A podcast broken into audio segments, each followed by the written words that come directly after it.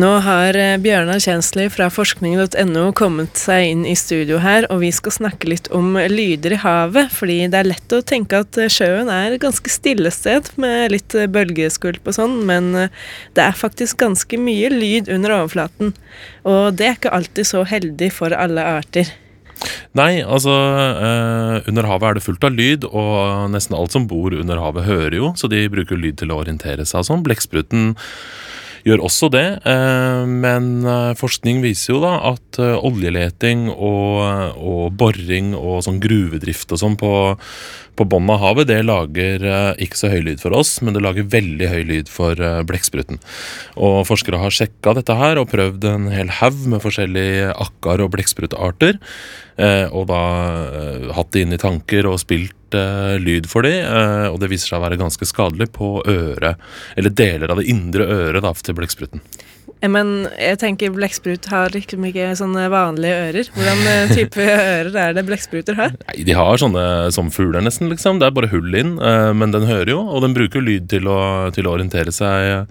Eh, og så Den bruker den som en sans, liksom. Men enda viktigere er jo det indre øret, som vi også bruker for å holde balansen.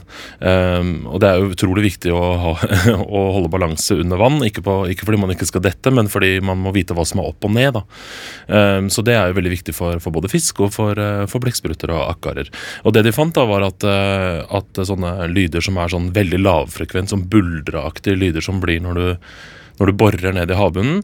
Eh, det ødelegger rett og slett eh, det der indre øret til blekkspruten. Og da mister de evnen til å jakte, og de mister evnen til å skjønne hvor de er hen, og til å formere seg og sånne ting. Så det kan være ganske ødeleggende for, eh, for blekkspruten. Så hvis en blekksprut svømmer forbi et sted hvor det bores en del, så ender den opp med å svømme litt sånn hulter til bulter og ikke helt vite hva som er opp og ned? Ja, eller det er litt mer dramatisk enn det, tror jeg. For det er en sånn liten væskefylt blære på innsida av, av øret som de bruker til å holde balanse og holde seg i posisjon.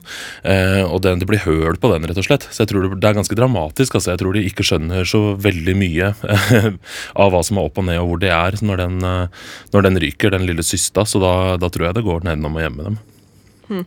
Eh, dette her er jo noe som forskere ved, i Barcelona har funnet ut. Men eh, det fins jo også noen som har forska på det eh, omtrent det samme, bare litt nærmere eh, oss da, mm. i Norge. Ja, man har forska på sånn sonar, altså sånn som militære og, og, andre båter også bruker, men militære bruker det særlig til å til å se etter ubåter og etter, etter, ting under vann. Og Det er en sånn uh, lyd som man, man, skyter ut en lyd, og så uh, kommer den lyden tilbake, og da måler man det. Så kan man se om det er en båt der, eller man bruker det i ekkolodd når man skal se hvor dypt det er. Og det er en veldig høy lyd, um, og det går ganske hardt utover hval og spekkhoggere og sånne store fiskere man har funnet ut. av. Uh, de liker ikke det i det hele tatt. Er det en sånn lyd, kan vi høre den? Eller er det, for Når man ser på sånne ubåtfilmer, og sånn, så hører man sånn lyd sånn ping. Ja, det er en sånn lyd, ja. ja. Uh, men, uh, men, den lyden vi hører, er bare en bitte liten del av den egentlige lyden som går ut. Da. Vi hører bare et lite spekter. Så, uh, så, fisker hører jo andre frekvenser enn det vi gjør, hører mye dypere frekvenser enn det vi gjør.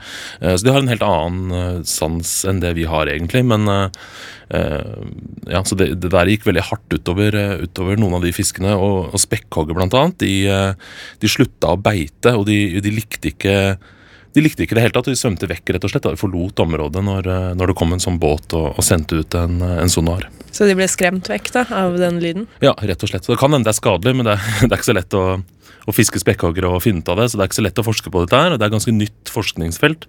Eh, man har jo fra før av skjønt selvfølgelig at når det kommer en båt opp av vannet, så bråker det veldig, eh, og at fisken blir redd og stikker eller det skjer et eller annet, men, eh, men sånne enda høyere lyder, eller altså enda eh, kraftigere lyder, da, sånn som boring og, og sonarer og sånn, det er ikke så lett å forske på, men, eh, men, man begynner å skjønne at det ikke er så veldig sunt for fisk og, og liv i havet. Mm.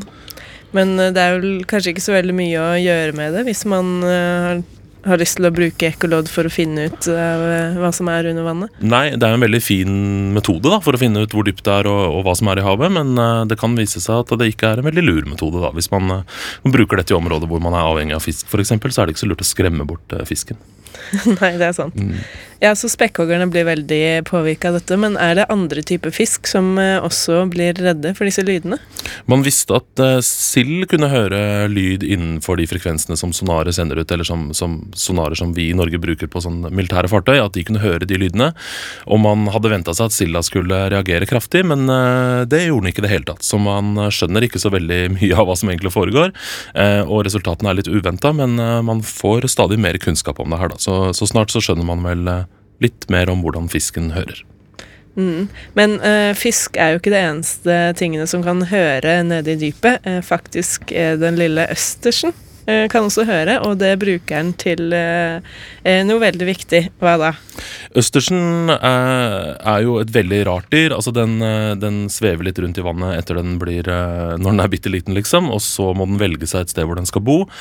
Og når den finner det stedet hvor den skal bo, så setter den seg fast, og så er den der resten av livet. Så det, Østersen har jo ikke så fryktelig mange sanser, liksom. Den, den kan ikke kommunisere med andre østerser og finne ut hvor det er godt å bo og sånn. Så det den avhengig av å gjøre, er å bruke de få sansene den har, bl.a. det å høre, til å finne et egnet sted hvor den kan slå seg ned resten av livet. Og da eh, har man funnet ut da, at eh, lyden fra korallrev, altså både lyden som korallrevet lager sjøl eh, Det er sikkert vannet som lager lyd når det strømmer gjennom korallrev og sånn.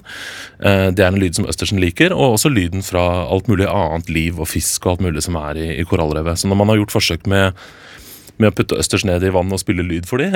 så har man spilt, Dette er jo lyder som vi ikke hører noen ting av. For oss så høres det bare ut som lyd under vann, liksom. Eh, men Østersen eh, foretrekker da lyden fra korallrev og beveger seg da mot lyden av korallrev framfor da bare lyden av åpent hav. da.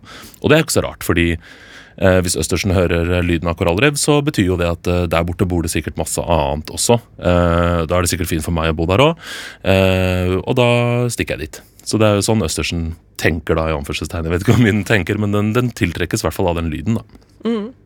Eh, takk skal du ha for at du kom, Bjørnar Kjensli fra forskning.no. Bare hyggelig.